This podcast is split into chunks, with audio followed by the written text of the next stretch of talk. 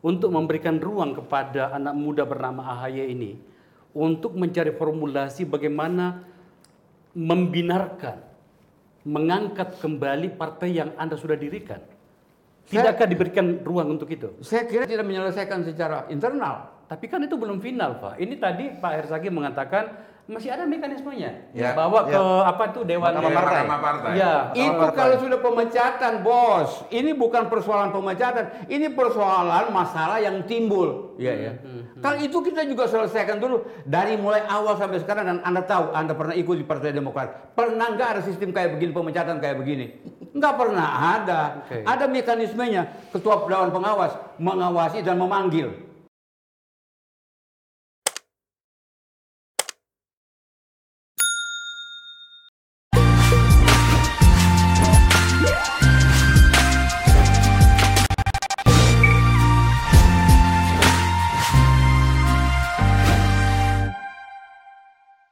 Assalamualaikum warahmatullahi wabarakatuh. Pengelolaan partai politik di Indonesia eh, hari-hari ini eh, memang tetap harus kita upayakan ada perbaikan. Atas nama pendekatan eh, textbook, ada beberapa penyakit yang menghi- menghinggapi partai politik. Dimulai dari bagaimana yang namanya rekrutmen, kemudian bagaimana apa penjikapan partai untuk kader-kader untuk jabatan-jabatan publik. Ada lima totalnya. Hari ini ada isu yang menarik dari Demokrat.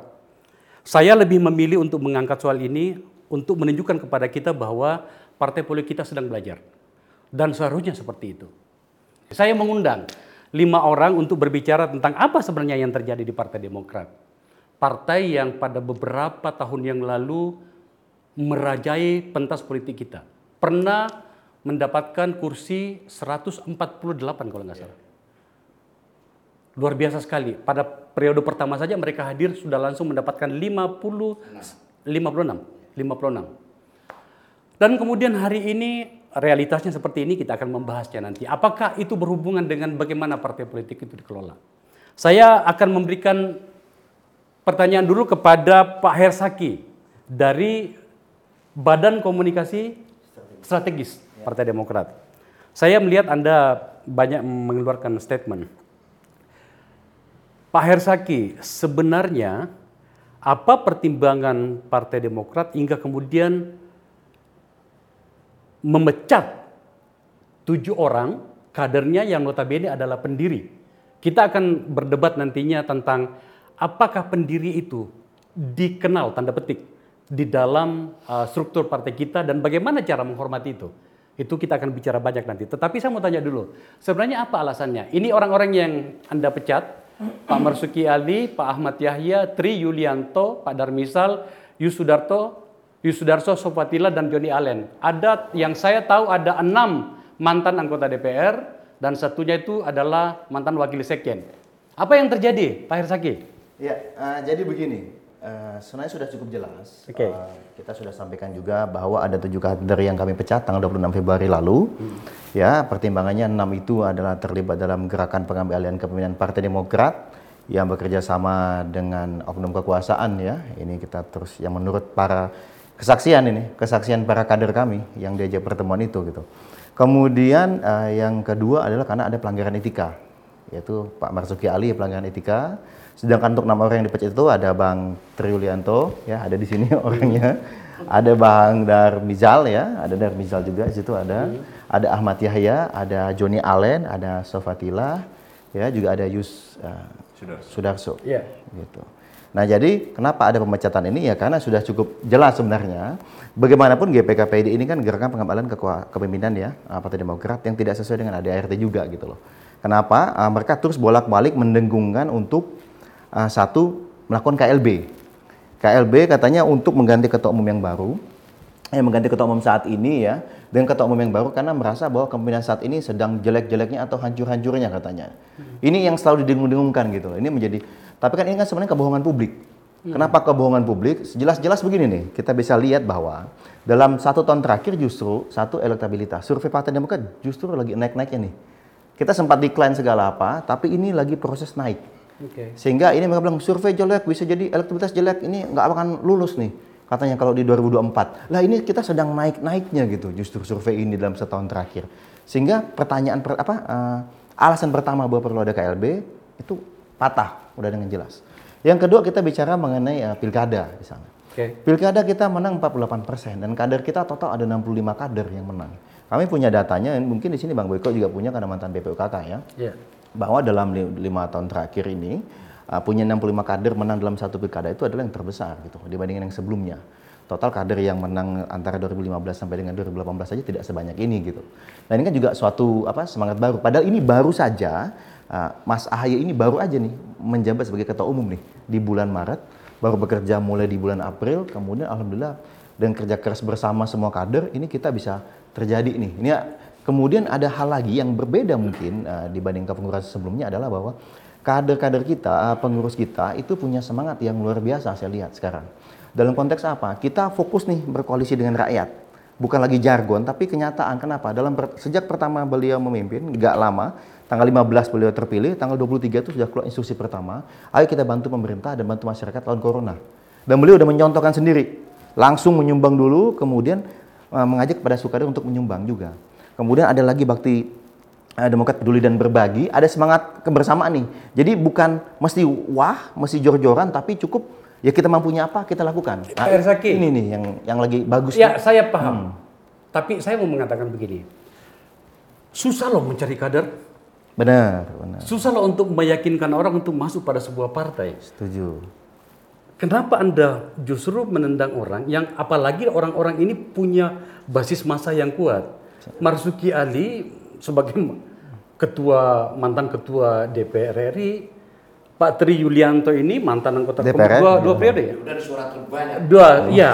Kemudian Pak Joni Allen, Yusudarso mantan anggota DPR. Pak Sofatila itu sendiri uh, pernah membuat sebuah catatan, membuat apa Al-Quran terbesar. Ya. Ya, tetapi itu adalah catatan yang, yang saya mau katakan, kenapa justru harus tindakan pemecatan yang dilakukan? Jadi kami ini kan tidak bergerak dalam ruang kosong kalau namanya partai okay. politik, ya kan? Ada publik, ya kan? Dan juga kami punya kader nih. Kalau kita bicara demokrasi sebagai suatu rumah, ini rumah sama kita, rumah kebersamaan nih rumah kita semua kita lagi nyaman-nyamannya, lagi sibuk membantu masyarakat yang terdampak pandemi dan juga bencana. Tapi kemudian tahu-tahu kok ada yang ber susah aja kita bicaranya apa yang lebih enak bahasanya berkomplot kita bicara ya kan dengan pihak luar mau mengganti kepemimpinan yang sah ini gitu hmm. padahal kepemimpinan ini juga setahun juga belum gitu.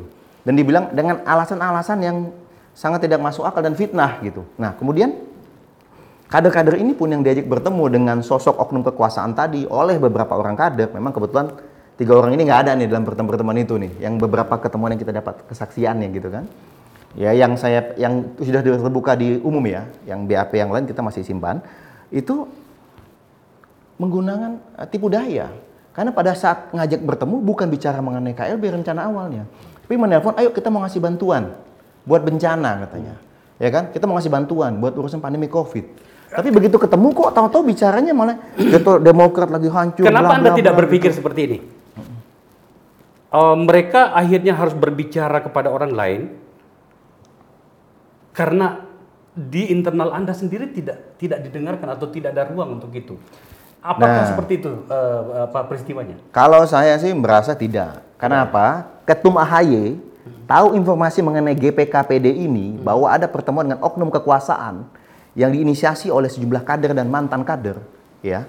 Itu justru dari ketua DPC kami yang di daerah yang diajak ketemu kemudian WhatsApp izin ketum, kami ingin melaporkan bla bla bla karena ada begini. Loh, kalau misalnya kita bicara mengenai komunikasi yang mandek gitu loh, ini even ketua DPC mohon maaf, berapa sering ketua DPC dapat respon mm-hmm. uh, dari ketum-ketum sebelumnya secara langsung gitu misalnya. Ini kan sederhana ini gitu. Jadi pada saat bilang ada sumbatan komunikasi loh, ini kami tahu GPKPD justru dari ketua DPC yang diajak ketemu kok. Nah, kemudian setelah itu banyak sekali mengalir informasi itu mm-hmm. datang ke kami. Hanya memang kalau dari kami begini aja sebenarnya masih terbuka ruang komunikasi kok. Ya. Karena habis dari sini kan ada pemecatan masih ada mekanisme Mahkamah Partai kok. Oh. Ah, meka- Masih ada mekanisme partai. Ini sesuai dengan Undang-Undang Nomor 2 tahun 2011 tentang perubahan Undang-Undang Nomor 2. Artinya tahun 2008. teman-teman yang dipecat masih bisa kembali. Oh iya masih bisa. Terbuka aja gitu. Ada ada syarat nggak dari DPP? Oh kok kami sih tidak syarat, ada syarat. Yang Ada penting syarat ikuti aja proses. Ya kan? Tapi yang pasti kan ada desakan yang luar biasa ini dari teman-teman ini. Anda gitu tidak loh. menjawab pertanyaan saya tadi sebelum saya pindah ke teman-teman yang lain. Iya, gimana? Eh, kenapa tidak berpikir bahwa mungkin ada komunikasi yang macet di internal sehingga mereka mencari inang atau mencari teman atau mencari sahabat yang bisa mendengarkan kisah-kisah mereka karena di internal tidak ada ruang untuk berbicara dan tidak ada ruang untuk berdiskusi. Tidak pernah dipikirkan seperti itu.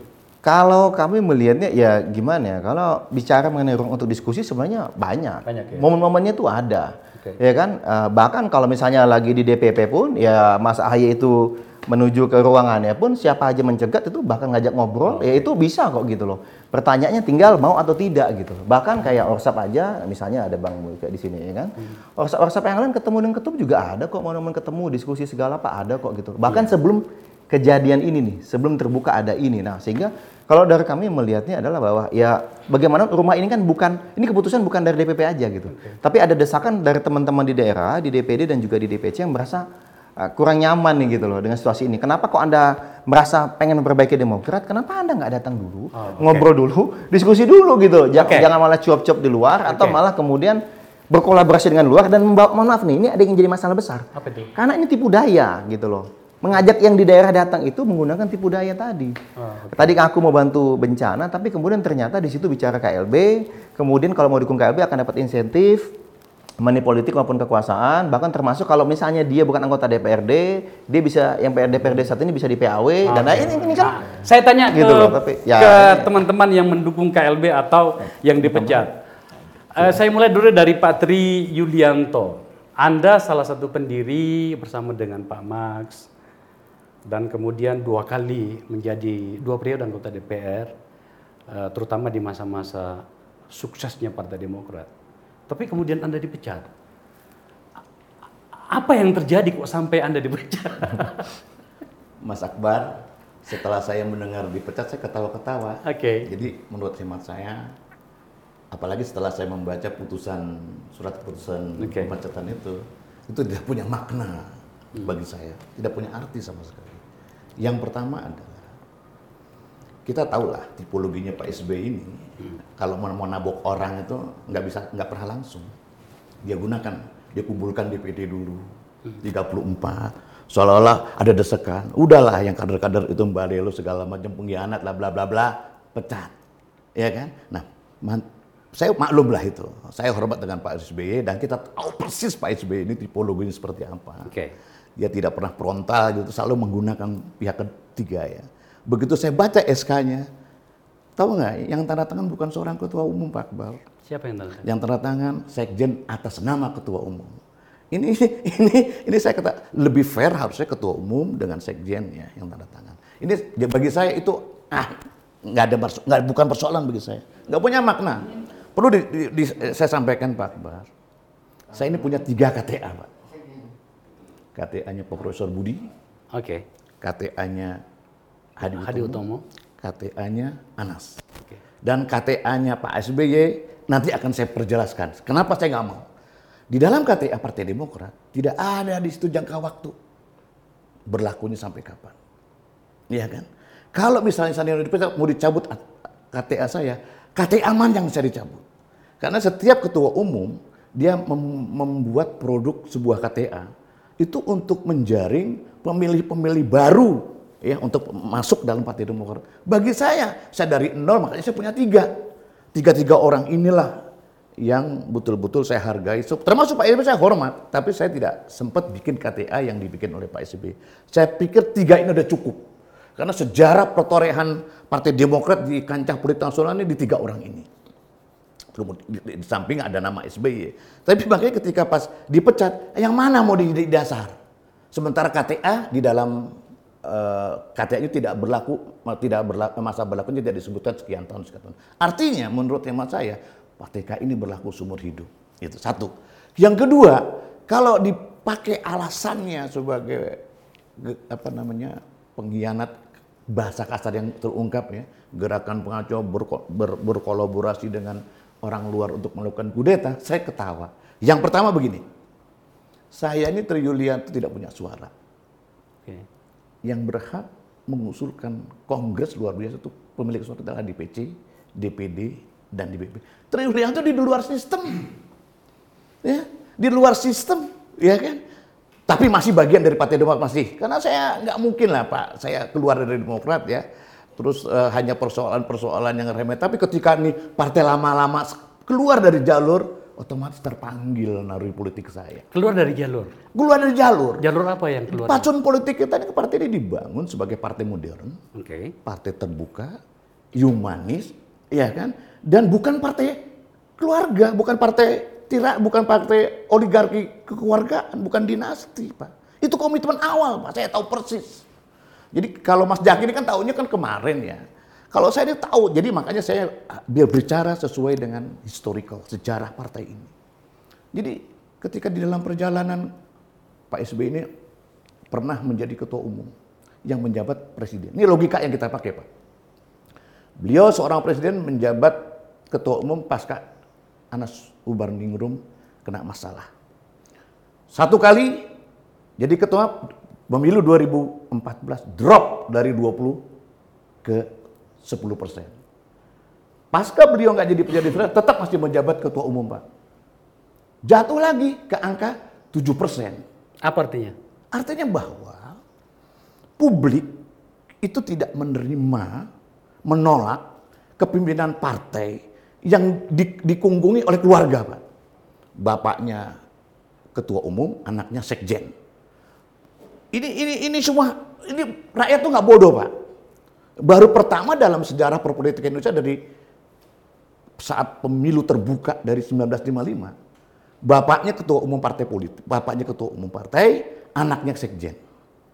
Terus kemudian hasil KLB kemarin bapaknya wakil majelis tinggi, anaknya ketua umum, anak yang satu menjadi ketua fraksi, merangkap wakil ketua umum, merangkap wakil banggar. Ini aneh, coba tunjukkan saya Pak Akbar, partai mana yang di seluruh dunia ini. Inilah yang menjadi kerisauan kami. Sehingga dari daerah-daerah juga merasakan, cuma daerah-daerah kan nggak berani Pak.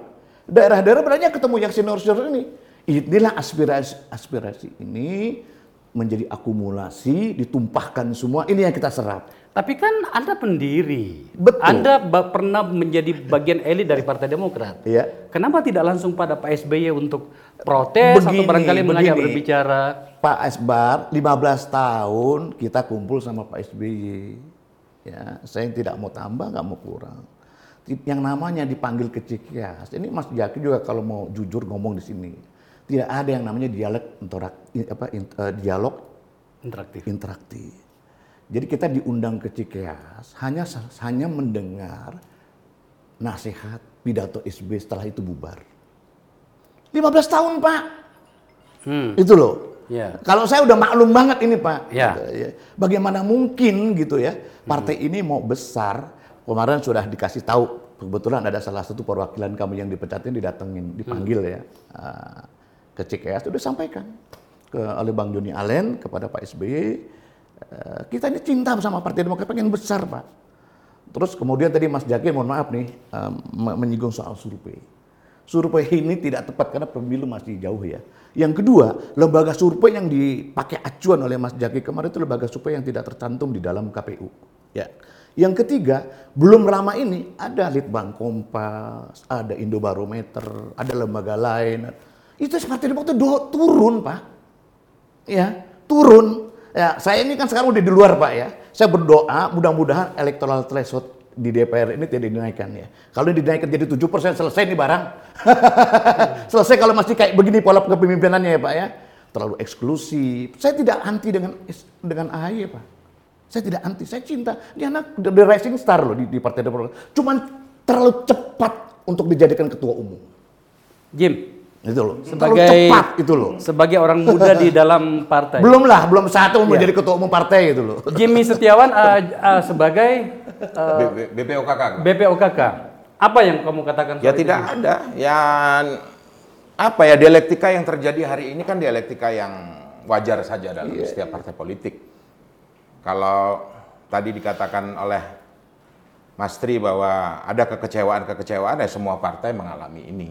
Ada ada lompatan, ada naik turun lah. Cuman sikap yang tegas diambil oleh partai dengan mempanismen tujuh kader tersebut itu bukan sekedar pilihan DPP, tapi desakan dari bawah. Kalau itu dianggap sebagai sebuah skenario yang didesain salah besar. Kebetulan saya yang berkeliling. Aku baru saja pulang dari Papua, baru saja dua malam kemarin pulang dari Papua, dan melakukan rakorda. Di saat sama jawabannya dengan Pak Herzaki tadi bahwa di saat kawan-kawan punya libido tinggi-tingginya dalam membangun partai ini, konsolidasi ke dalam begitu tinggi-tingginya, ada gerakan yang dilakukan oleh sekelompok kader Tidakkah itu biasa, Jid? Kalau misalnya di dalam partai politik, karena partai politik menjadi itu biasa adalah uh, menjadi biasa ketika kritiknya semua orang boleh Iya, melakukan. oke. menjadi biasa ketika kritiknya ke dalam tapi menjadi tidak biasa ketika melihat melibatkan pihak eksternal. Yang tanda kutip hari ini. Menjadi pertanyaan besar. Kalau tadi Bang Akbar katakan bahwa tidak ada teman curhat salah besar. Gitu ya. Iya dong, Bung Boy ini adalah teman saya yang sama-sama berjuang. Dari generasi generasi kedua lah kami ya. Bung Boy ini sering sekali berkomunikasi dengan Pak SBY, Bu Ani, waktu masih beliau masih ada. Online kok, semua online kok. Kalau dikatakan ada pintu yang ditutup, pintu mana yang ditutup? Saya saya tiap saat kok berkomunikasi, berkomunikasi dengan SBY, berkomunikasi dengan Mas Ahaye. Tapi Setiap saat. Oke, tim. eh, sebagai orang muda saya mengenalmu amat sangat. Apa tanggapanmu menyangkut dengan gugatannya Pak Tri tadi dan sebenarnya itu adalah fenomena yang semakin menggejala di partai politik kita tentang eh, oligarki eh, partai politik yang kemudian turunannya bernama dynasty. Anda tidak terganggu dengan itu?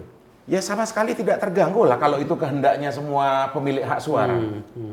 Bagaimana, Mbak? Justru kalau pe- pemilik hak suara sudah menyatakan itu yang diberikan dimandatkan dan kita tolak, ya kita mendelegasi dong. Jadi gini aja Pak Akbar, Gitu.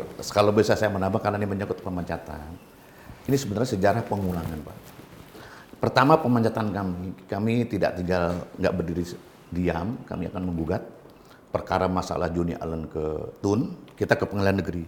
Oh, termasuk kita itu? gugat termasuk hasil hasil keputusan KLB yang kemarin kalau saya menilainya bahwa KLB yang menghasilkan AY sebagai, AY sebagai ketua umum KLB KLB ya. Oh, Kongres, ya. Kongres, Kongres, bukan kongres, kongresan untuk menetapkan AHY ya. Karena di semua itu produk-produknya itu semua tidak di, dijalankan sesuai mekanisme anggaran dasar anggaran produk. Yang kedua begini, persoalan ini nih hanya mengulang aja sejarah. Pak SBY harusnya belajar dari sejarah. Yang pertama sejarah pertama ketika Pak SBY yang juga Presiden Republik Indonesia terjadi kongres pertama di Bali. Pak SBY awalnya itu mendukung Soekartono ya tapi nyatanya di di di di balik yang menang Hadi Utomo kongres kedua di Bandung lahir. Apa yang ingin Anda katakan dengan itu? yang kadang menjadi belajar berpengalaman. Apa yang menjadi keinginan SBY termasuk menempatkan AHY sebagai ketua umum ini nggak belajar di pengalaman itu. Nah ini kita akan dia akan kalah tiga kali insya Allah. Apalagi saya ini orang jolim pak ya. Dia yang didolimin orang yang terdolimin insya Allah orang doa orang terdolimin terus saya nggak pernah lepas dari tahajud. Saya cuma ngadu kepada Allah Pak Max, Pak Max, Dia kan ah, dia akan tiga kali Anda, Anda di Ini nih nih, ini, Tantar, tantar. ini manipulasi ini ya. Dia dua kali ngomong, saya boleh dong dua kali ngomong. Masa dia dua kali ngomong? Bentar dulu. Saya mau tanya sama Pak Max dulu. Pak Max. Oke, oke, bagus ini. Manipulasi fakta ini. Boy. Anda sebagai ketua umum KMD ya? Hah? AMD A- Angkatan Muda Demokrat. Oke. Punya hak suara. punya hak suara. Punya hak suara. Tapi kemudian Anda mendukung gerakan atau langkah teman-teman untuk melakukan KLB dan seterusnya. Ya. Kenapa? Ada apa? Eh, flashback ke belakang ya. Oke. Pasca eh, kabinet Mas Agus ya Oke. diumumkan segala macam. Enam bulan setelah diumumkan. Setelah saya mengalami proses dan saya juga curhat sama Jimmy ya, artinya bla bla bla bla. Akhirnya saya memutuskan untuk mundurkan diri. Ini Sebagai- pilihan politik sebagai De- Dewan Pimpinan Peserta Demokrat. Oh, Oke. Jadi di antara kawan-kawan yang mengundurkan diri itu saya. Oke. Karena ada beberapa alasan ya yang jelas. Saat itu posisi saya ya sudahlah sementara ini saya pikir saya calling down tidak berpolitik dulu karena masalah pandemi dan lain-lain. Gitu, karena pandemi yang yang sangat luar biasa segala macam. Lalu saya pikir saya juga menenangkan diri saya. Karena kenapa? Karena partai pertama yang melahirkan saya, yang membesarkan saya itu Demokrat. Demokrat. Oke. Proses enam bulan setelah pemerintahan atau kabinet Mas Agus. Oke. Pasca eh, itu itu persis sekitar tanggal 10 September, satu hari setelah ulang tahun. Nah pasca itu kurang lebih lima bulan September terjadi kejadian sekarang bahwa ada proses lima bulan yang terlewati. Nah tiba-tiba ada isu tanda kutip bahwa ada gerakan KLB segala macam kudeta dan bla bla bla. Hmm. Sebenarnya saya udah nggak lagi mau eh, bang untuk eh, bicara tentang Demokrat. Bagi saya ketika saya memutuskan diri kembali Mas Tri bilang bahwa saya memutuskan diri untuk tidak lagi sebagai uh, anggota sebagai anggota Dewan Pimpinan Pusat Demokrat itu mekanisme yang panjang secara psikologis. Tentunya kenapa? Tentunya saya harus dalam doa saya segala macam. Karena saya apakah saya harus mengambil pilihan untuk tidak menjadi lagi bagian dari Demokrat dan tanda kutip sebagai Dewan Pimpinan Pusat. Lalu apakah saya harus mengundurkan diri? Padahal itu rumah yang melahirkan saya. Kuatlah bentrokan batin. Tapi keyakinan akhirnya menjalankan saya untuk terus melakukan hal ini. Proses lima bulan berjalan segala macam, lalu ada dinamika politik bahwa terjadi di Demokrat. Lalu saya berkomunikasi ada teman-teman senior-senior yang coba untuk ngajak diskusi. Ini ini setelah pasca ribut ya, pasca ribut ada katanya Mr. M segala macam. Diskusi diskusi tentang apa sih marwah dari niatan kawan-kawan tentang KLB itu dijelaskan segala macam. Lalu saya tertarik. Tertarik saya bukan pada persoalan di situ ada Mr. M atau apa pun. Tertarikan saya di situ ketika bahwa ada poin-poin yang sangat prinsip yang dikangkangi. Oleh siapa? Ini oleh salah satunya mungkin eh, apa eh, Mas Agus ya. Agus Harimurti. Yudhoyono. Terlepas misalnya ada mekanisme sebelum itu ya tapi saya tidak lihat itulah karena itu masa bapak Enggak, ya, saya pengen tahu yang okay. dikangkang itu apa? Gini. Oleh Mas Agus. Uh, saya sebagai peserta dan pemilik suara persoalan yang terjadi di uh, Kongres kita tutup mata saat itu. Karena saya anggap ini bagian dari keinginan baik kita semua. Dan saya tidak pernah untuk untuk pro kontra dengan Mas Agus dan dan Bapak nggak pernah. Itu itu jelas terjadi. Namun ketika komunikasi sama teman-teman sama senior-senior, saya lihat ada yang keliru dan keluar dari fatsun organisasi. Pertama saya katakan bahwa Mas Daki sorry ya. Apa? Eh, suasana kebatinan, ini harus diakui loh Mas Daki. Saya orang di dalam. Suasana kebatinan itu terganggu. Bukan karena persoalan Mas Agus secara pribadi, tapi karena lingkaran Jimmy pun mungkin nggak usah berkata, tapi hatinya tanah lingkaran. Ya itu ya. Lalu pernah saya sampaikan waktu itu sama Bang Arin di Malarange, pasca saya mengirimkan surat pengunduran diri, bahwa Bang eh, akan tercipta pengkotak-kotakan, maaf loh, mana yang orangnya AHY, mana yang tidak. Ini dirasakan jelas sekali loh, nggak cuma diri saya loh, dan kawan-kawan. Nah, itu itu itu satu dasar ya bang ya, tapi tidak terlalu prinsip ya, tapi menjadi prinsip ketika itu dilakukan terus. Karena kenapa? Karena saya menjawab pada katakan Mas Jaki, agak mulai kurang humanisme di organisasi. Ini saya cuma untuk mengkritisi bukan mengkritik ya. Lalu kalau Mas Jaki bilang bahwa Mas Agus ada kutip ketemu sama teman-teman di DPP nyapa segala macam, malah itu yang saya sampaikan sama Mas Made. Empat jam saya Mas Made ketika sebelum saya mengambil keputusan untuk gabung di sini, empat hari lima hari sebelumnya itu saya sampaikan empat jam saya Mas Made. Mas Made perintahkan Mas Agus ketemu saya untuk diskusi ya, itu sampaikan Mas Made. Bahwa suasana ini loh yang harus dirubah. Eksklusivitas Mas Agus itu harus dirubah. Lingkaran loh, ini bukan Mas Zaki loh, saya nggak akan tunjuk ya, mungkin bisa menjawab secara pribadi ya. Lingkaran ini loh yang menjaga komunitas kawan-kawan, yang menjaga humanisme akhir terganggu. Kotak-kotakan. Saya ini. tertarik dengan kata Boy tadi, eksklusivitas AHY. Seperti apa bentuknya? Ini, Eh, kita kita kita kita mungkin agak memaknai bahwa kita sama-sama muda. Mas Agus muda. Tentu saling belajar ya, sama belajar. Cuman bagi saya PR Mas Agus sangat kuat ketika dia harus dan wajib belajar dari pemimpin sebelumnya. Kita lihat kesederhanaan Pak Subur Budi Santoso. Kita lihat juga sama ya kepemimpinan Pak Hadi. Kita lihat tentang jiwa dan dan nasionalisme seorang namanya Bapak Suli Bambang Yudhoyono ketika beliau memimpin ya. Nah ini menjadi mungkin rekomendasi. Artinya Mas Agus memiliki tiga rekomendasi terhadap pemimpin sebelumnya. Saya tidak bilang Anas ya, karena ada satu kejadian ya, saya pikir ya. Saya pikir saya lengkapi itu. Nah, mengenai mengenai tentang eksklusivitas, saya mengalami proses selama bertahun-tahun, puluhan tahun di dalam. Mas Tri terputus ketika di zaman Pak Hadi. Terputus. Om Max tidak tidak langsung masuk, terputus karena Omex anak pada lingkaran Pak SBY, tapi tidak masuk pada lingkaran Dewan Pimpinan Pusat. Nah, saya mengalami hal itu bertahun-tahun. Sehingga saya melihat bahwa kok dalam tanda kutip kok Mas Agus seperti ini. Saya Sam tidak mengkritisi ya, ya saya sampai tidak situ dulu ya, tapi memberikan masukan ya. ya. Sampai situ dulu. Loh ada gugatan dari pemegang hak suara gitu. Tunggu bang, bang, tunggu bang, jangan diputus bang, bang jangan diputus, tunggu sebentar. Iya. Jadi gini, saya menjawab, saya objektivitas, saya rasional. Saya menjawab apa saya sama Mas Zaki bahwa teman-teman ORSAP ketemu kok. Nah saya harus, saya harus luruskan Mas Zaki. Ya. Tidak pernah teman ORSAP ketemu sebelum kejadian ini. Bahkan Mas Zaki, saya belum menentukan pilihan di KLB itu, saya masih ikut rapat. Pasca saya keluar dari Dewan Pimpinan Pusat, saya masih rapat dengan Mas Julfikar ya. sebagai ketua komando komando Orsat di DPP. Saat itu teman-teman mengatakan, yaudah beli ruang kawan-kawan untuk berdialektika, ya. berkomunikasi dengan Mas Agus. Itu sebelum loh, masih ada waktu sekitar kurang lebih seminggu. Lalu disampaikan iya, tapi tidak ada komunikasi terputus. Ya, Oke, saya pahami.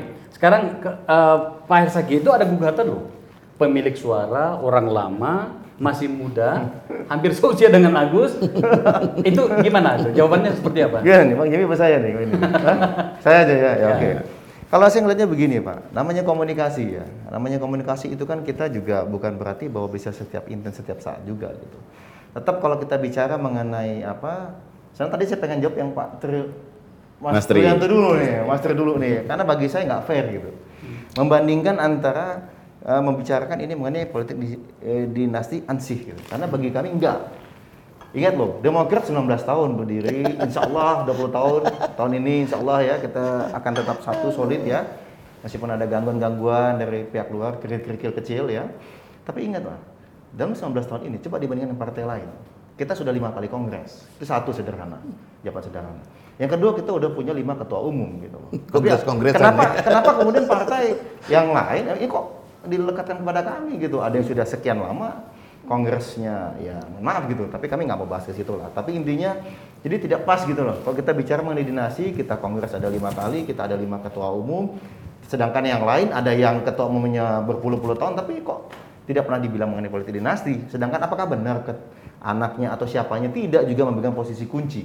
Nah sehingga bagi kami sungguh tidak fair. Itu satu meskipun Bang Jimmy juga sudah jawab tadi bahwa ini kan adalah apa namanya saya lupa masker saya tadi ya. Hmm. Bahwa ini adalah uh, ya namanya dialektika gitu loh. Hmm. Kalau emang ini kehendak pemilik suara mau bagaimana gitu. Kalau tato besok ada kongres lima tahun lagi ya 2025 atau Mas Jamie yang jadi ketua umum karena pemilik suara bilang iya ya kenapa tidak gitu loh. Ya. Jadi kalau ini satu hal dinasti ya. Yang ya. kedua adalah tidak fairnya adalah saat bilang mengenai bahwa ada penurunan yang sangat drastis karena kepemimpinan Pak SBY dan juga uh, Mas Ahaye. Itu membuktikan kalau Mas Tri nggak tahu apa-apa. Nah, ini. nah ini, ini yang jadi masalah besar. karena apa?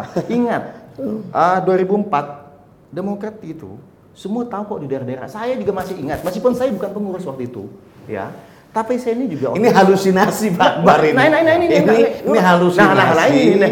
Ini oh, hanya untuk menutupi kekurangan. Ya, ya, ya, gitu ya, kita kasih kesempatan dulu. Saya selesaikan dulu. Ini halusinasi. Saya selesaikan dulu. Udah, rakyat tuh nggak bodoh. Kalian mau kemas kayak gimana juga tuh nggak bodoh. Patri, Patri, kita kasih kesempatan dulu Pak Yosaki. Oke, memang ada perbedaan. Ada perbedaan antara mantan kader dengan kader. Kalau kader Demokrat itu diingatkan terus untuk selalu bersikap santun, termasuk beretika dalam diskusi. Kalau ada yang bicara, dengarkan saja dulu. Meskipun kita nggak cocok atau kayaknya itu manipulasi sejarah, ya kita dengarkan dulu nih. Ya, ini ya. kami diajarkan Ya, kisah. silakan, Kan silakan tadi you lanjut, tadi, potong kan Loh, dia mulai ini- you. Lu jangan mau ego sendiri, kan Jadi, dia mau jadi- mulai. Jadi tidak fair gitu. Pada saat 2004, satu saya ini masih ingat. Karena apa? Keluarga saya di daerah pun itu diingat. Eh, Demokrat mau milih apa? Karena emang siapa ini Demokrat? Prof Budi itu juga saya tahu. Saya di anak fisip UI gitu. Prof Budi itu juga apa dosen di kampus saya. Orang pada bingung ngapain sih Prof Budi buat partai? Semua pada bingung gitu waktu dengar Prof Budi buat partai. Tapi kemudian enggak, itu bukan Prof Budi partainya. Itu Pak SBY di belakangnya. Oh Pak SBY. Kemudian ada gelombang lah kemudian WhatsApp dan macam-macam mau bergabung dan mau mendukung Partai Demokrat. Nah ini masih Kalau ini, ka- ini- nah, saya paham. Kalau kalau bagian itu saya sangat paham. Oke, nah maksud saya, ah, saya, masih diingatkan di situ sehingga apa? Kemudian Demokrat ada calon presiden.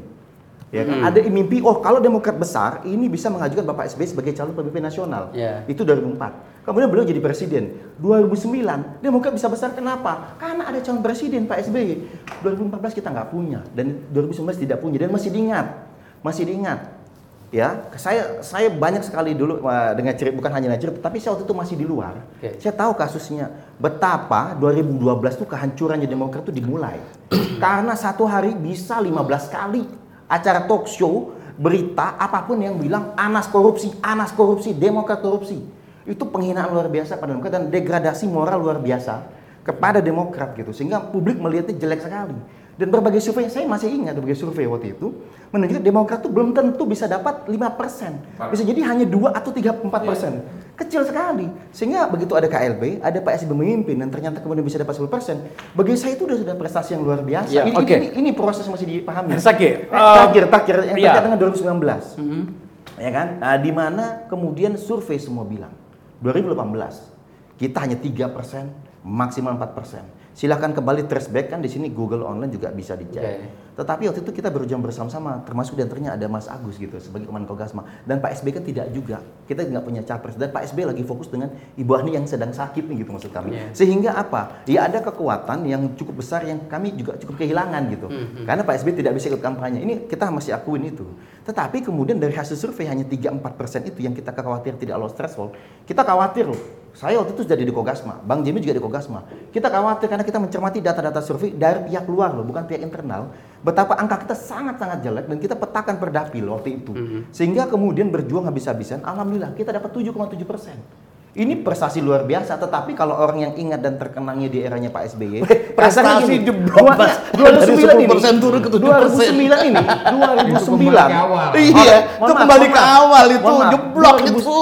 2009 ini caleg itu diam aja katanya. matematikanya? Diam aja itu kepilih gitu. Iya, iya. 2009 diamnya kepilih karena faktor PSB yang luar biasa. Nah, ini yang masih ya sampai di situ. gitu Pak Saki, sampai di situ. Saya tampaknya harus menyampaikan juga pernah saya undang Marsuki Ali di sini. Siap. Tadi kan kita masih membahas tentang bagaimana komunikasi internal, Ya. kemudian bagaimana eh, tak ada figur selain PSB yang kita pahami Ya, betul. siap. Dan saya tahu betul soal itu karena pernah saya menjadi bagian Ya, di situ kan gitu ya. Tapi eh, Pak Marsuki Ali di tempat ini itu eh, apa namanya membuka sebuah hal yang kemudian membuat eh, suasana eh, isu tentang demokrat ini membesar bahwa eh, apa ya praktek-praktek pengelolaan partai di internal itu tidak benar. Misalnya memalakin kader sendiri. Saya mengatakan apa yang dikatakan oleh Pak Marsuki, ya. Eh, terus kemudian masih banyak lagi hal yang lain. Itu apa tanggapan Anda? Nggak. Ini agar nggak biar biar nggak distorsi ya, biar nggak distorsi soal uh, pemalakan itu ya. Karena ini juga jadi jadi blunder nih gitu loh. Hmm. Kalau ada informasi bahwa iuran fraksi dan partai, dia tahu nggak? Saya kemarin pada saat uh, berangkat satgas untuk pemilu kada, saya itu bawa sekitar hampir 3.000 bendera. Oke. Itu emang beli, belinya dari mana? Itu beli dari uang iuran mereka sendiri yang dikembalikan oleh mereka. Oke. Jadi ini hanya dikumpulkan saja, dikembalikan oleh mereka Iya. untuk mereka sendiri. Jadi kalau misalnya diberikan tugas, takut mungkin tidak dilaksanakan, ada yang melaksanakan. Jadi kita hanya mengkoordinir saja sih sifatnya. Nah kalau tadi mengatakan bahwa ada penurunan situasi apa elektabilitas partai di tahun 2011, bukannya bagian daripada teman-teman sendiri? yang pernah menjadi bagian daripada yang yang rusak tersebut gitu loh.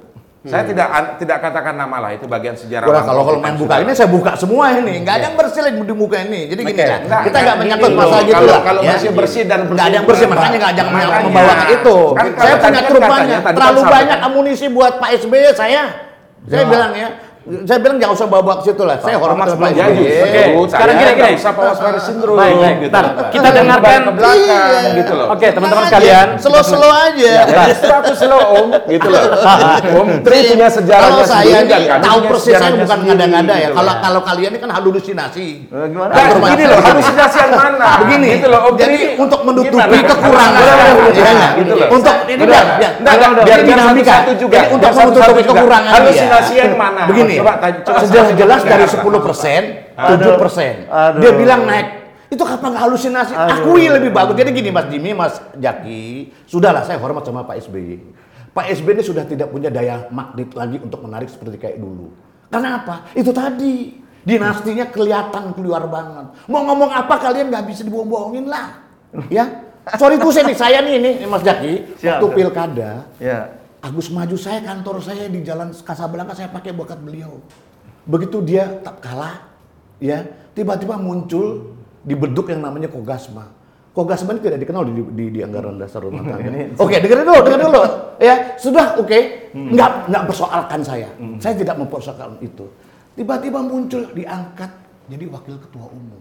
Saya bukan benci sama AHY. Saya sayang nih anaknya. Mas Tri, malah- 17 Dengerin dulu. persen untuk perolehan suara DKI itu luar biasa Enggak. dengan keluarnya dia satu bulan gitu. loh. Begini bos, kalau Gitu memang nggak ini di Jadi Jakarta Timur nggak dapat apa? kursi, nggak dapat kursi cuma Lo nggak dapat kursi gimana? Cuma Ukurannya dua. 17 persen kok Dua kita. dari enam loh. Nah, anda mempersoalkan yang mana? Enggak, kita- Pilkada DKI-nya AHY. Bukan, bukan, bukan. Yang Soal- mana? Jadi yang begini. mana? Agar kita bedahnya tahu Jadi ini kamar-kamarnya. Berangkat Gitu dari pengalaman. Ini kan kita segala sesuatu kok harus diukur Jangan dari pengalaman. jangan universal terus Bukan, gitu begini. Kalau kita mengukur Pak belum nih. dari pengalaman, Pak.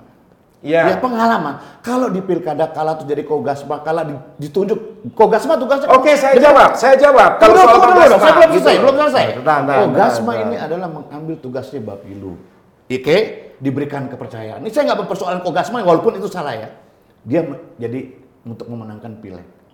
Dari 10 persen, 7 persen, kalau misalnya dari 10 persen naik aja setengah persen, 11 persen, saya masih bisa angkat angkat topi bos. Itu saya akuin pak.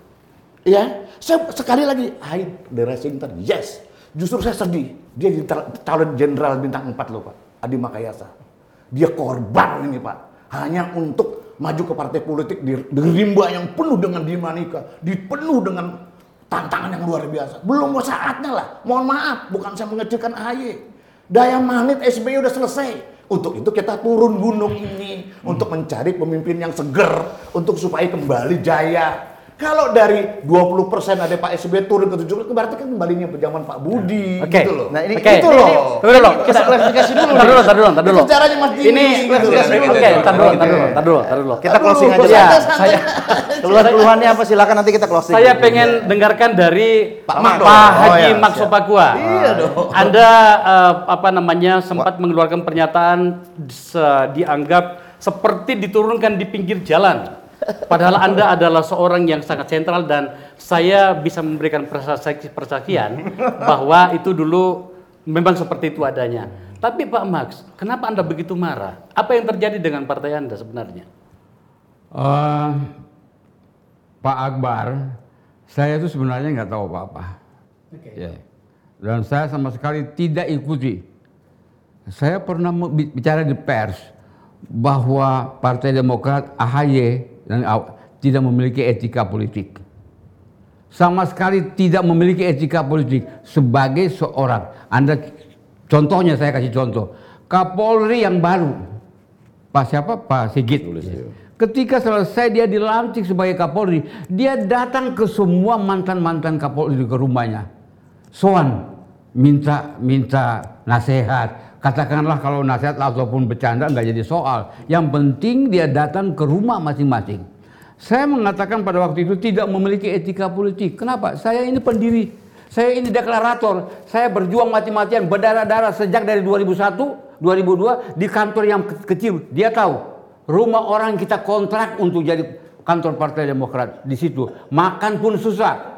Kami jual barang Pak un- untuk bisa membayar utang makanan itu ya, di situ. Kita mulai dari situ. Berarti kami ini ikut dong, ya ya, punya jasa dong gitu. Masa ketika Anda menjadi ketua umum, Anda buang begitu saja orang-orang itu.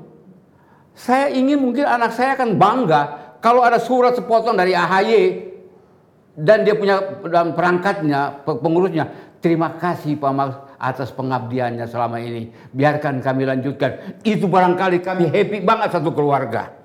Hanya sekadar surat lembar. Hanya surat selembar saja untuk kami gitu ya. Ini tidak ada. Akibatnya tidak ada hujan, tidak ada angin. Saya baca besok pagi, kok saya masuk dalam kelompok kudeta. Ini cara apa ini? Cara manusia seperti apa ini meng- mengklarifikasi? Saya minta diklarifikasi. Dan Pak Akbar, awal bulan ini saya muncul pertama di TV mengenai masalah ini. Ya, saya kira pada waktu itu di uh, Met- uh, TV One nggak salah gitu, live. Saya bilang mari kita selesaikan secara internal. Jangan sampai barang ini keluar. Selesaikan secara internal. Itu himbauan saya berturut-turut, beberapa hari berturut-turut di, di media pada waktu itu. Tetapi yang ke- kelihatan kudeta ini semakin hebat diangkat. Ada kudeta sampai saya berpikir ini kalian terkontaminasi dengan peristiwa di Myanmar. Ada kudeta di Myanmar sehingga di partai politik juga ada kudeta. Tidak ada kudeta di partai politik. Pak Pak Max, Pak Haji, kami memanggilnya Pak Haji. Pak Haji, Eh, tidakkah di apa namanya itu ada pemikiran dari anda anda semuanya, para senior Partai Demokrat, untuk memberikan ruang kepada anak muda bernama AHY ini untuk mencari formulasi bagaimana membinarkan, mengangkat kembali partai yang anda sudah dirikan. Tidakkah diberikan ruang untuk itu? Saya kira itu program kita. Oke. Itu program kita dan kita bangga sekali dengan awal-awal bahwa muda adalah kekuatan. Itu yang saya angkat ke permukaan ke seluruh media. Muda adalah kekuatan. Itu tagline-nya dari AHY dan kawan-kawan untuk membawa partai ini ke depan lebih baik lagi di 2024, 2029 dan ke depannya sampai sampai 2045 gitu. Itu tagline-nya yang kita membanggakan kita semuanya. Ternyata tagline itu tidak bisa mempergunakan apa yang disebut muda adalah kekuatan untuk menyelesaikan masalah-masalah ini. Memang ada masalah. Ya, artinya kalau kita sudah bicara mengenai masalah sampai terjadi pemecatan, sejak adanya ke, adanya perbedaan pendapat, lahirnya keinginan untuk KLB dan lain-lain. Kenapa kita tidak menyelesaikan secara internal? Tapi kan itu belum final, Pak. Ini tadi Pak Herzaki mengatakan masih ada mekanismenya. Ya, Bawa ke ya. apa tuh Dewan Mahkamah Partai. Mahkamah Partai. Ya. Itu kalau sudah pemecatan, bos. Ini bukan persoalan pemecatan, ini persoalan masalah yang timbul. Iya ya. Kalau itu kita juga selesaikan dulu dari mulai awal sampai sekarang dan Anda tahu, Anda pernah ikut di Partai Demokrat. Pernah nggak ada sistem kayak begini pemecatan kayak begini? Nggak pernah ada. Oke. Ada mekanismenya. Ketua Dewan Pengawas mengawasi dan memanggil. Setelah itu hasilnya di- disampaikan ke Dewan Kehormatan. Baru keputusan Mahkamah Partai. Dan itu 21 hari baru Anda boleh mel- melakukan keputusan. Pak Haji, Anda kan temannya SBY. Kalau kemudian tidak bisa atau sulit atau tak ada ruang untuk berbicara dengan Pak AHY, baik secara substansi maupun waktu, karena memang generasi Anda yang berbeda. Anda kan bisa langsung pada Pak SBY. Emang se- selama ini sejak Anda tidak lagi di DPR atau di eh, DPP sebagai pengurus inti, komunikasi dengan Pak SBY nggak ada lagi? Ya, saya kalau soal begitu semua orang tahu. Dia tuh juga bilang Ustadz udah ngomong, kita dengan SBY itu one way traffic.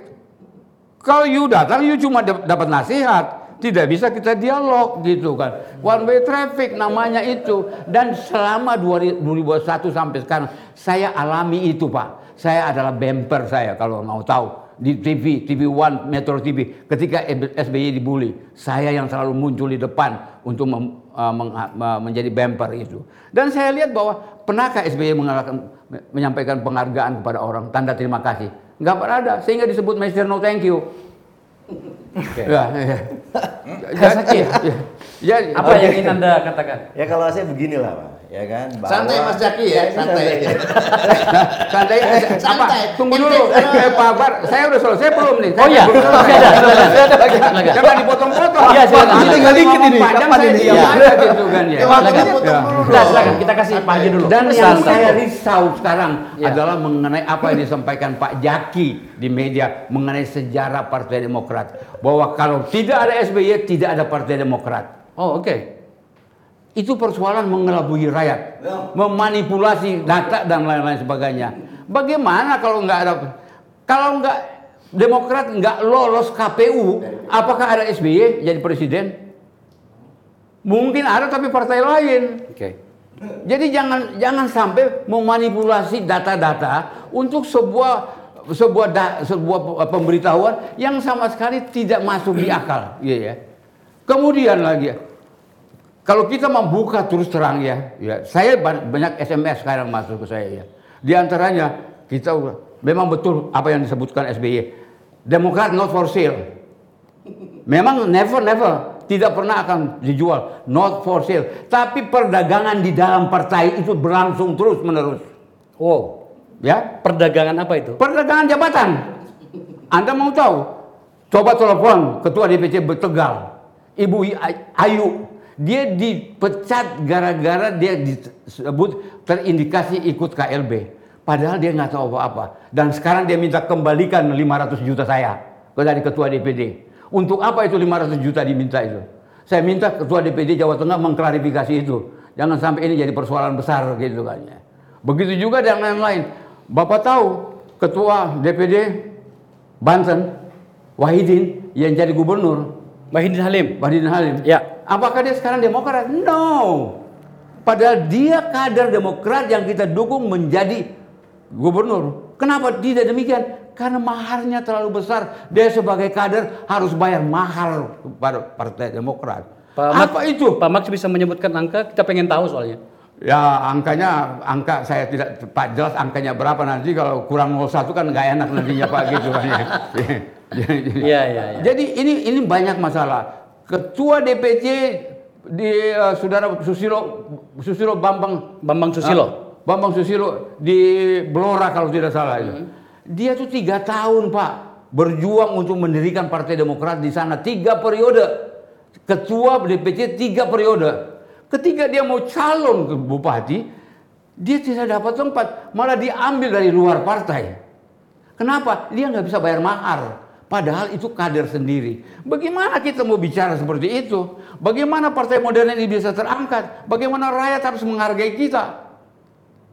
Bikin KTA 25 ribu. Ini persoalan. Dan kemarin ini saudara Sebayang kalau nggak salah ngomong di koran. Harry. Dari Sebayang. Kasih tahu sama Muldoko kalau mau bikin KTA di sini gratis. Berarti selama ini Anda bayar KTA. Eh 25 ribu isunya. Anda mendagangkan KTA partai untuk kepentingan sendiri gitu ya. 25 ribu yang bisa dapetin. Benar. Anda dibilang kalau mau bikin KTA di sini gratis. Kalau Muldoko. Berarti selama ini KTA Anda dagangkan. Baru KTA Anda dagangkan. Apalagi jabatan. Oke, terima kasih. Silakan. Oke, ah, ini diluruskan dulu. Nah, diluruskan. ini, Kebetulan ini. saya BPOK. Nah, oke oke, BPKK dulu. Jadi BPKK tidak dulu. ada namanya KTA diperdagangkan itu. KTA itu gratis. Apa? Kenapa dibilang bahwa Mul- Muldoko Nah, harus bayar? artinya- gratis, gratis. Lah, artinya Gini, itu eh, itu penilaian. Pak Max Eh, Haji. gini, lu juga Gua jangan ngomong gede deh. Eh, gini. dari awal. Gini, gini, Pak. Pak Saya- Max, saya- Pak Max, saya- Anda sudah tidak punya kita obligasi untuk bicara Partai Demokrat karena Anda sudah keluar sendiri. Udah. Siapa yang Gitu bilang saya keluar? Anda tidak punya legalitas hari ini. Siapa yang bilang? Nah, Anda- silakan saya itu dibuka namanya. You tahu, saya dibuka dong. Anda Anda gugat dong media yang Saya ini memuatkan Anda. profesional. Saya dibayar untuk membantu Loh, partai. Anda kan sudah mundur, Saya- sudah saya tidak bergabung mundur. dengan partai lain. Anda Anda, tidak memiliki Ada moral Anda obligasi? Anda terhadap partai ini. BPK, OKK, mana suratnya? Silakan, kasih. Loh, silakan Anda buka dong media yang Iya, memuatkan. iya, Ini kan saya kalau boleh. Kompas menulis Mas, kok Anda bergabung dengan partai lain iya. ini, ini. Gimana? Oke. Oke, oke, oke. Oke. Sabar, sabar. Ya, ntar ya. Oh, Anda menanggalkan jaket ada kok gitu. Jim, Saya ya. menanggalkan jaket karena itu pengurusnya AHY. Bentar. Ya sudah, berarti Anda tidak punya moral obligasi dong di sini. Bicara Partai Demokrat gimana? Bentar. tahu. Oke.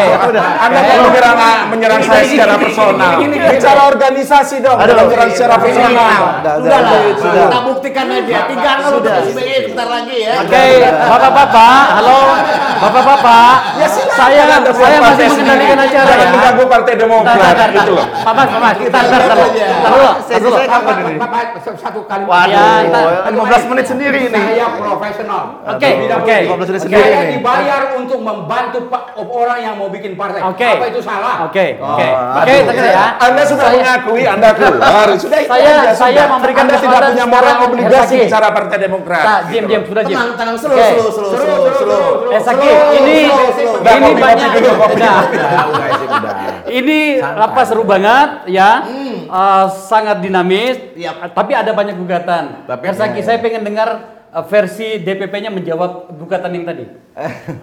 Kalau saya begini nih ngelihatnya, ya kan. Kalau misalnya dikata tidak ada penghargaan bagi saya Pak SBY itu orang yang Tunggu dulu dong. Oh, Sebelumnya Mas Jaki belum jawab pertanyaan. Oh, apa? saya. Pertanyaan- pertanyaan apa? perlu bang, artinya kan tadi sudah menjawab pertanyaan Mas Tri. Oke, siap. Lalu Pertanyaannya apa tadi? Mas Tri ke saya. Tadi kan Mas Taki bilang bahwa humanis segala macam bla bla bla, saluran tidak tersumbat. Tapi kan saya sampaikan, Mas Taki bilang Orsap ada komunikasi, tapi saya sampaikan Nah. bahwa itu tersumbat, Ya. tidak ada ruang komunikasi. Iya, makanya tadi saya katakan Jangan bahwa ini dulu. ada banyak gugatan. Oke, Bahwa berarti Mas- mereka itu Bang komunikasi dulu, itu oke. ada yang banyak meng- apa me- me- mengeluhkan itu. Oke. Sekarang saya tanya, Mas Hersaki, Anda sebagai Gini. juru bicara partai itu bagaimana menjawab gugatan itu? Kalau bicara mengenai sumbatan komunikasi bagi saya ya kita sudah lakukan yang sebaik mungkin gitu. Oke. Sederhananya itu. Ini kan namanya komunikasi itu apa? Two way. Dua arah. Oke. Nggak bisa hanya salah satu sisi aja. Kalau satu sisi merasa tersumbat, loh kita nggak merasa tersumbat kok gitu.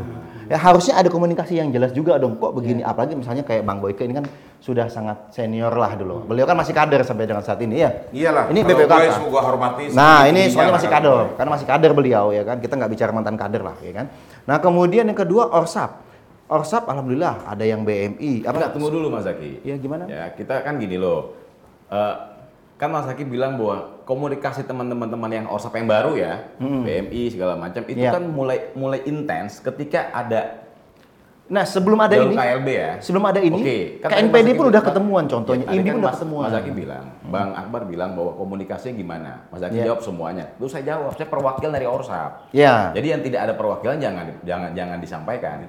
Nah, teman-teman yang perwakilan Orsap ini me- merasakan hal yang seperti itu.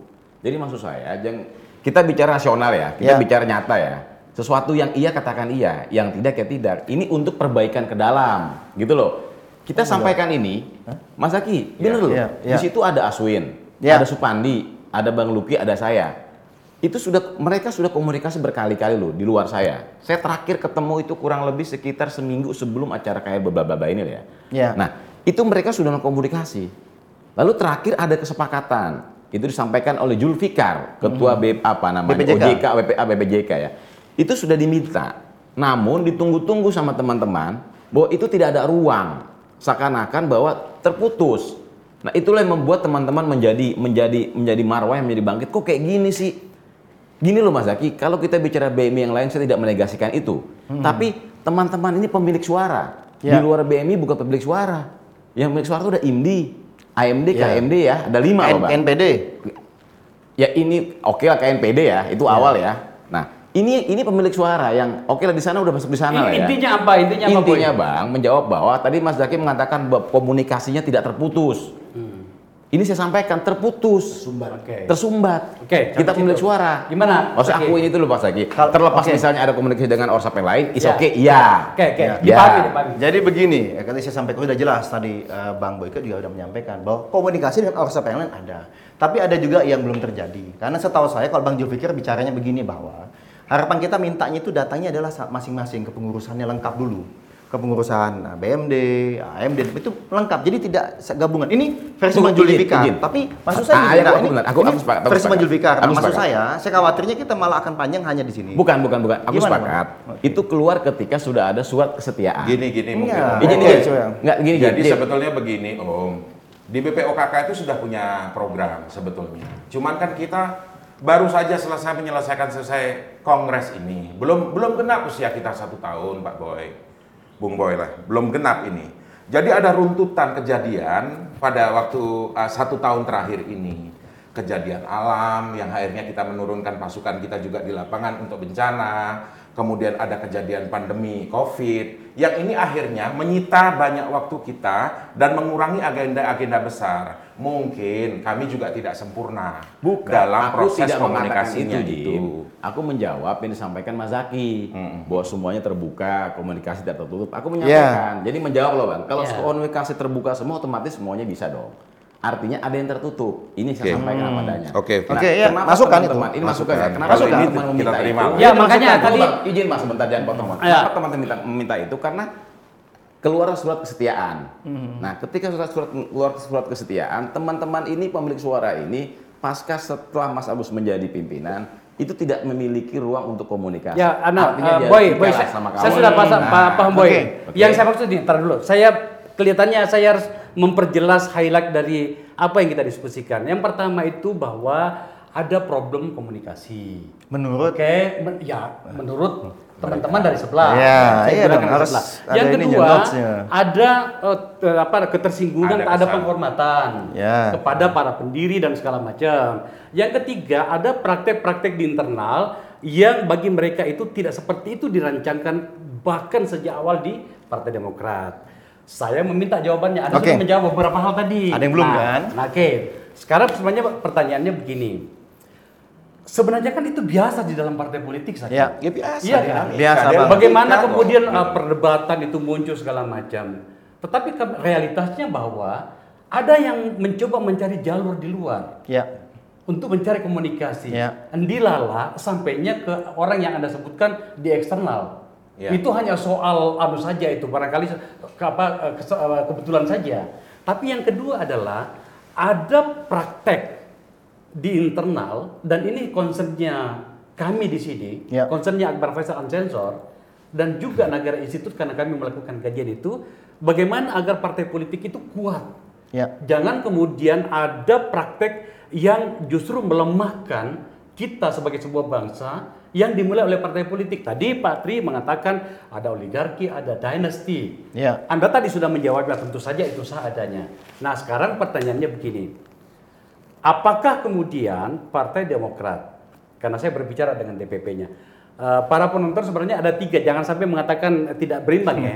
Sebenarnya ada tiga, saya juga mengundang eh, Jansen Sitindaun, tapi tidak sempat gitu ya, Iya. supaya posisinya tiga-tiga. Saya kembali pada pertanyaan tadi, apakah kemudian eh, pemecatan itu itu bisa ditarik kembali? Ya kan, tadi Anda mengatakan Ya. ada mekanismenya, Ya, itu ada. dibawa kepada kehormatan. Ya. ya. Ah, Mahkamah Nah, Partai. Mahkamah Partai. Mahkamah Mahkamah partai. Partai. Tetapi sebenarnya ada yang paling mendasar dari situ.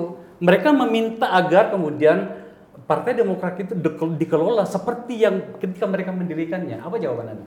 Kalau kami begini ya, zaman itu berubah. Oke. Gitu. Demokrat ini bagaimanapun adalah partai tokoh. Dulu Oke. tokohnya adalah Pak SBY, sekarang kita tokohnya adalah AHY. Hmm. Tetapi justru dengan kepengurusan saat ini ya, ini saya sekaligus klarifikasi juga.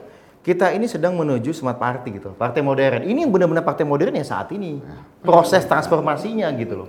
Tadi bicara, mohon maaf Mas Tri sederhana bilang bahwa KTA bayar 25 ribu. Ketahuan sekali itu bagian dari budaya feodal. Karena per zamannya Mas Ahy nggak ada. Itu gratis kok. Ketahuan sekali. Enggak. Saya bilang isu tadi. Oke isu berarti isu, berarti isu ya. Sampai benar saya klarifikasi. Berarti nggak? bener ya, oke. Betul nggak? Enggak. saya Nggak ada. Enggak. Zaman Mahi udah nggak ada. Dan yang kedua, di zaman kami pun bisa pendaftaran KTA online.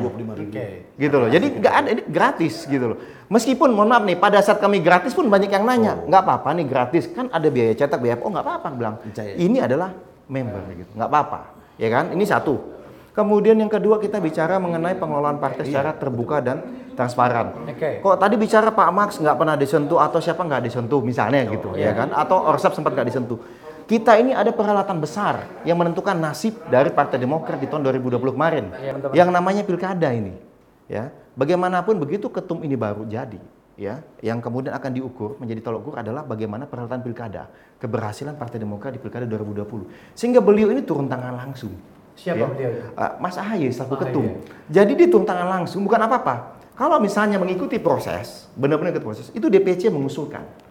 Menyampaikan kepada DPD. Ada pertimbangan-pertimbangan itu surat resmi semua ada, ada pemaparan. Dari DPD kemudian datang ke Jawab, pusat, paparan Jawab, di Bapilu segala apa. Pak, saya yang pilkada ini akan saya meluruskan, Pak. Ya. Eh, silakan, silakan, silakan. Ini kan kami Ya. yang seperti itu mekanismenya. Kemudian setelah itu dari DPD di- dengan Bapilu, dengan Bapilu dibahas, kemudian dibawalah ke forum bersama ketum dan sejenis.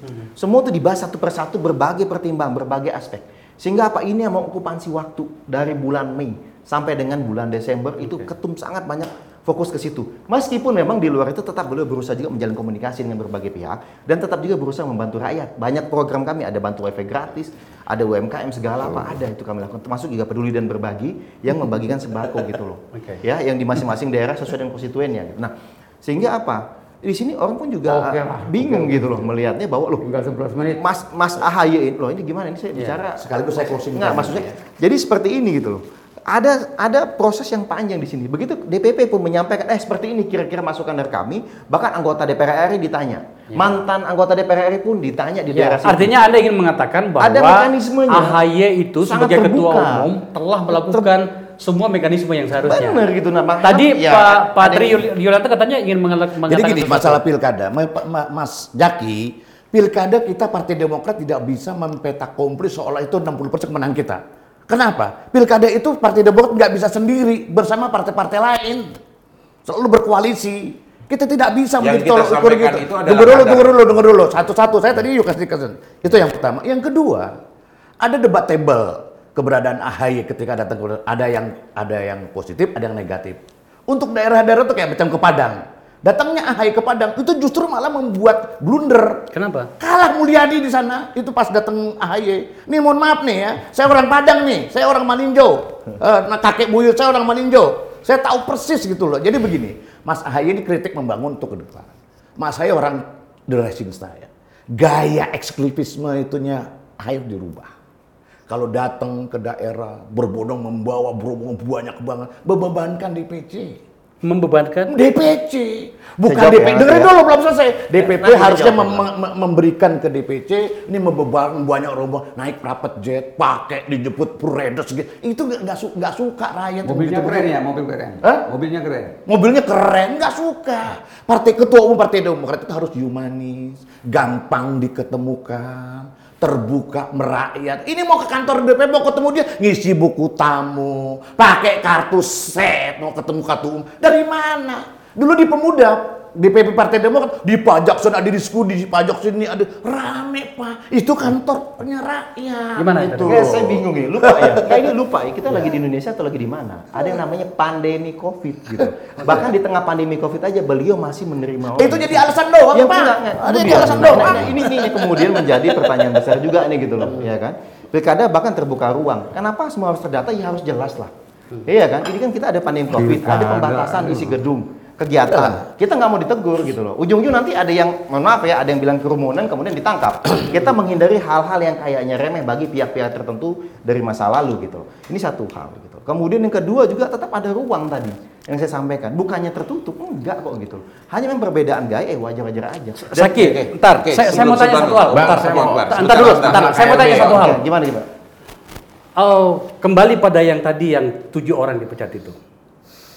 Apakah itu keputusan AHY, SBY, atau DPP?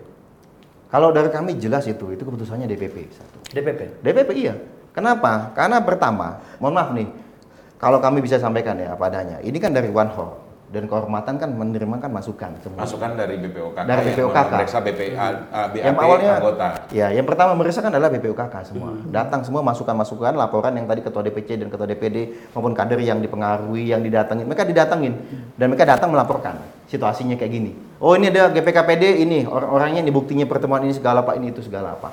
Itu diproses dan masih diingat kami 1 Februari itu setelah melalui 10 harian proses awal sebelum kami umumkan berdasarkan berbagai Tapi pertimbangan. kenapa kemudian Kemudian bahwa Bang, penjikapan-penjikapannya DPP itu itu jarang malah eh, katakanlah misalnya apa itu pernyataan tentang meminta mereka untuk dipecat itu itu dilakukan oleh eh, ketua DP kalau kalau DPD. DPD ya, Ya. Ketua DPD itu orang membacanya bahwa sebenarnya eh, AHY ragu untuk melakukan tindakan itu. Kalau gini, gini. Nah, ini ini ini lagi-lagi. Kalau kita bersikap tegas, dibilang otoriter, kita demokratis, dibilang ragu. Nah, ini yang bahaya nih. Kalau partai modern, kita kan lagi transformasi ke partai modern. Oke. Semua terbuka, Pak. Ini open, masukan diterima. Yang Ayo- tadi pemecatan itu malah ditandatangani suratnya oleh Iya. Ada, Siapa? ada sama Ya, saya. Ya, itu diterima masukannya. Kemudian, mohon maaf, kemudian makanya proses di One Health pun tidak sebentar kan ada proses, ada mekanisme kita ikuti sesuai di ART. Oke. Gitu loh, ya kan? Bayangin dari 1 Februari kemudian pemecatan baru 26 Februari. One Health pun bersidang bukan hanya sekali, itu pun berdasarkan tadi data-data dari PPOKK. Setelah selesai dari One Health kemudian memberikan namanya keputusan berupa rekomendasi kepada nama-nama tersebut itu. Sampailah kemudian di uh, Mas Ahai selaku ketum. Itu pun kita masih rapatkan lagi, diskusikan lagi. Pak Max, ini Saya- kelihatannya DPP ini sudah melakukan mekanisme dalam versi mereka. Sudah melakukan mekanisme seperti yang seharusnya, bahkan menyebut tadi partai modern, berbasiskan teknologi karena seluruhnya itu menggunakan teknologi. Terus sebenarnya apa masalahnya kalau kayak Ya gitu? saya kira itu kan versi mereka. Oke. Itu kan versi mereka. Mau Tetapi tetap aja bahwa kekecewaan itu malah munculnya dari bawah. Yang disebut sumbatan itu, itu munculnya dari bawah. Dan terakhir sampai kepada anggapan untuk dilakukan KLB. Sekarang saya mau nanya, bagaimana Anda memproteksi ketika KLB ini mau jalan? Apakah ada usaha Anda untuk membubarkan KLB dan lain-lain sebagainya? Saya minta Nggak, jawabannya. tunggu bang, tunggu bang. Ini nggak cuma sumbatan bang. Ini yang nggak dibuka karena ruang buat saya agak sedikit ya. Ini, ini, ini saya buka ya bang.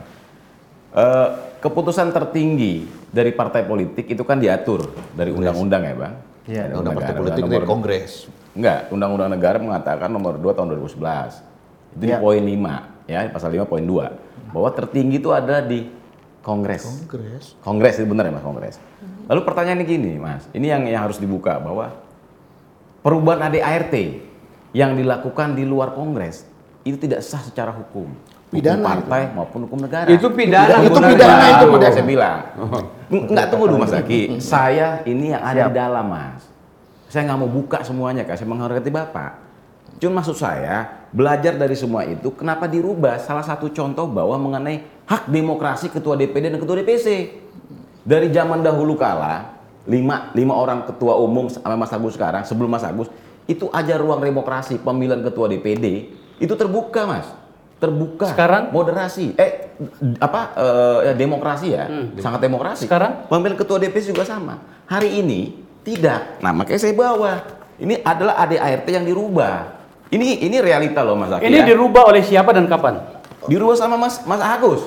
Dilubah di Kenapa? luar Kongres, Gini, Pak. Mak, pada saat di Kongres tidak ada. Ini salah satu saya, bagian kita saya buka. salah satu yang ada di dalam Kongres, pemilik suara. Tidak ada mekanisme itu tentang tata tertib Kongres. Ya, kita sudah paham Ya, itu. paham Pertanyaan ya. saya Ya, adalah, ada komisi ABC pada bagian mana yang Oke. diubah, Ini kapan, salah satu dan yang apa sangat- dampaknya? Sangat luar biasa bagi Oke. saya bahwa di di pasal 83 musyawarah daerah dan musyawarah luar biasa. Hmm. Di sini jelas bahwa memilih, menetapkan dan mengusulkan sebanyak-banyaknya tiga nama calon ketua dewan pimpinan daerah, tiga nama rekomendasi, ya tiga tiga pimpinan daerah dan dipilih ditetapkan oleh tiga tim yang terdiri dari ketua umum, sekretaris jenderal dan badan pembinaan OKK. Ini anggaran dasar, anggaran rumah tangga Yang yang, sekarang. Yang sekarang yang kan. dirubah, Nah. yang diputuskan di luar Kongres. Saya paham. Dulu. Sebelumnya tidak ada kan? Tidak ada.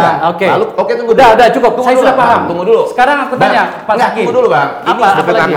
Sama ketua DPC. Kita punya keterlambatan waktu. Ini sama, pemilihan DPC juga sama. Oke. Pemilihan DPC dipilih oleh lima orang tim. Oke. Dua dari DPD, tiga dari DPP. Ah. Seharu- nah ini kan ini kan mengangkangi demokrasi teman-teman. Iya. Harapan teman-teman mana sih sebagai kader? Oke. Ru- Kalau kalau seperti itu besok pemilihan ketua umum tidak usah lagi ada kongres. Kongres. Buat apa? Langsung saja. Langsung aja ditunjuk aja, Kita gitu. sebagai dewan pembina atau majelis tinggi tinggal memutuskan. Besok jadi ketua umum Jimmy atau saya.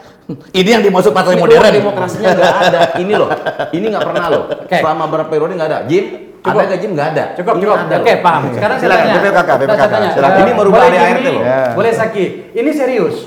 Loh, bang ini fakta. Karena apa? ADART. Merubah ada ART itu di luar Kongres. Itu benar nggak gugatannya Boy itu? Enggak, tidak ada itu di luar kongres itu. Itu Oh. jadi rancangan itu memang sengaja dibuat rancangan. Cuman pada saat kongres itu dikembalikan lagi kepada peserta kongres. Oke. Jadi itu. Terus saya tadi mau Jim, meluruskan dulu, sama Jim. Jim, Mas Jim. sebentar. Selesaikan mau meluruskan Mas Di. selesaikan dulu, selesaikan. Kalau kunjungannya pas AHY pakai private jet itu tolong enggak ada itu, tolong ditarik kembali itu pernyataan itu. Enggak ada Ini itu kan private jet. infonya yang Ya dapat saya justru jangan selalu pakai isu. Enggak pakai isu fakta juga bang. Faktanya di mana kapan? Begini mas. Kan kan kita berbicara tentang landasan saya data ini, dan fakta. saya gitu nanya loh. sama dia ini, umur saya dia beda 20 tahun. Ya di nggak mana kunjungan di mana yang pakai private jet itu di Ini mana? saya mau cerita nih, Gitu saya mau cerita. Ya Iya. ada lah, jangan bikin isu lah. Oh, banyak lah itu. mas, saksinya banyak. Enggak, kok. saksi Mas, gimana? Mas, Kapan gitu Mas, loh? izin, izin, ini pernyataan izin. terbuka loh, bisa Nah, menjadi landasan bahaya nih, kita ini loh. bahaya. gitu. Kemudian ini untuk kongres nanti Bang Jimmy akan jawab. Terus, Kongres ya. oke, Ini, ini sederhana dulu, sederhana dulu bagi saya. Enggak, maksudnya gini loh, Nggak, jangan sampai ini nih, ini ini bahaya nih, bahaya bahaya banget. Enggak ada, enggak ada itu private Coba jet cek, enggak ada. sejak ketua umum kami,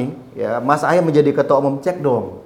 Ya kan, cek. Kok dibilang, oh, Di dulu begini. Yogyakarta itu malah kami yang Yang Jawa malah Barat. kami yang disambut kok, kami yang diberikan hotel kok gimana? Nah, tar dulu, Saki Jim. Tadi saya apa? Kongres balik kongres, pada kongres, kongres dia, penting. Iya, m- ini rancangan ini kan ditawarkan bagaimana kita menyempurnakan organisasi pada waktu itu. Oke. Memang pada saatnya ini akan melahirkan dialektika-dialektika baru. Ya prosesnya ini terjadi dialektikanya, tapi perlu di- diketahui sama Om Boy juga. Prosesnya itu pendaftaran untuk menjadi ketua DPC dan ketua DPD, itu prosesnya itu juga diterjemahkan dengan PO. Makanya ada pendaftaran 20%. Kemudian ada penda, apa namanya? proses berikutnya itu 25%. Nama yang tersaring ini baru diangkat naik tiga. Nah ini diputuskan bukan sama AHY sendiri, itu beserta sekden dan beserta Jim, BPK. Jim, tar dulu, Jim. Pertanyaan ngerti mekanisme itu. Nah, Pertanyaan satu, nggak? Ntar, Bang. ntar, Nggak, saya ini yang ada dalam kongres. Saya paham, saya paham. Pertanyaannya, sa- saya mengendalikan acara Boy. Oh, siap. Oke. Pertanyaannya tadi dari Boy adalah ada perubahan anggaran dasar anggaran rumah tangga di luar mekanisme bernama Kongres. Benar itu atau Tanya tidak? dulu bang, Jimmy ada di dalam nggak sebagai pemilik Ah, suara? Bukan. Yang ada di dalam. Makanya saya mau Kalau tanya itu pertanyaanmu aku nggak bisa jawab. Ya. Ya. Gitu loh, aku nggak berhak menjawab kalau Oke. begitu pertanyaan karena nggak ada legal standingku, aku tidak di dalam. Ya. Tapi dalam proses tersebut kami memaknai ada gitu loh. Jim boleh gak Jim? Kita orang organisasi Jim ya. Iya. Boleh gak? Yang saya tahu kongres itu final untuk mengacak-ngacak atau bikin draft segala macam difinalisasi di kongres yaitu ada poin A, poin B, poin Iya. B, D, ada komisi A, B, D, C segala kita orang organisasi diputuskan di paripurna kongres ini sah. Persoalan penyempurnaan kata dan narasi dibikin tim kecil, tapi tidak merubah substansi. Om Bay harus ingat dong, waktu kita kongres di JCC, di JCC itu kita dibatasi sampai jam 6 sore. Jam 4. Jam 4 sore. Bukan, maksud aku- Makanya kita percepat prosesnya itu ditawarkan kepada peserta yang ada di dalam ruangan. Jim, bukan Bukan kalian yang memperpendek. Oh, Kongres aku. itu harus dua hari, bos. Kalian bikin empat jam. Apakah itu betul? Benar atau tidak? Nggak, ma- Ah, gini, empat gini, jam. iya, Oh, makanya oh, Mas, kita nggak panjang, Jim. Tolong dicek kembali ke peraturan Jim, per- ah, Jim kita nggak panjang Jim, kita nggak panjang maksud aku Jim. Kok ini seperti ini sih, Jim? Kita kan dari bawah. Ketua DPC itu kan itu satu marwah loh, tapi dipilih demokrasi. Kan partai kita partai Demokrat. Partai Demokrat loh. Demokratisasi di mana? Maksud aku itu kita, kita, kita diskusi ya, saling Ya, ya. mengkritisi bukan kritik ya. Biarin dong teman-teman DPC dan DPD memiliki ruang demokrasi, ada kebanggaan walaupun dia kalah ada kebanggaan, apalagi Ya, menang. Oke, ano, eh, Gitu. Boy, pertanyaanku belum Tidak ada, tidak ada. Saya jawab jawab nih. sederhana. Oke. Tidak ada. Enggak ada tuh katanya. Tidak ada. Apa? Perubahan apa namanya tadi? ini draftnya, draftnya itu memang draftnya ada itu ditawarkan loh, di Kongres. Ini ada Artinya- ART loh. Artinya seluruh Kongres menyetujui proses tersebut, aklamasi gitu tunggu loh. dulu Jim, aklamasi pemilihan Mbak pemilihan Mas Agus. Tapi tidak ada perubahan dan mekanisme yang berbeda dari ART karena Iya, tentukan. iya. Kenapa saya bawa ini? Ini ketentuan loh. Undang-undang Republik Indonesia tahun 2011. Dan di sini di poin ini ditentukan loh. Ini jelas loh. Kita baca bahwa pasal 5 poin 2 perubahan AD dan ART sebagaimana dimaksud pada ayat 1 dilakukan berdasarkan hasil forum tertinggi Oke. keputusan dasar. Eh, Pak Tri, Ini ini kan menjadi hukum. bagian dari alasan Anda akan melakukan gugatan terhadap salah satunya. Oh, oke. Apa jawabannya?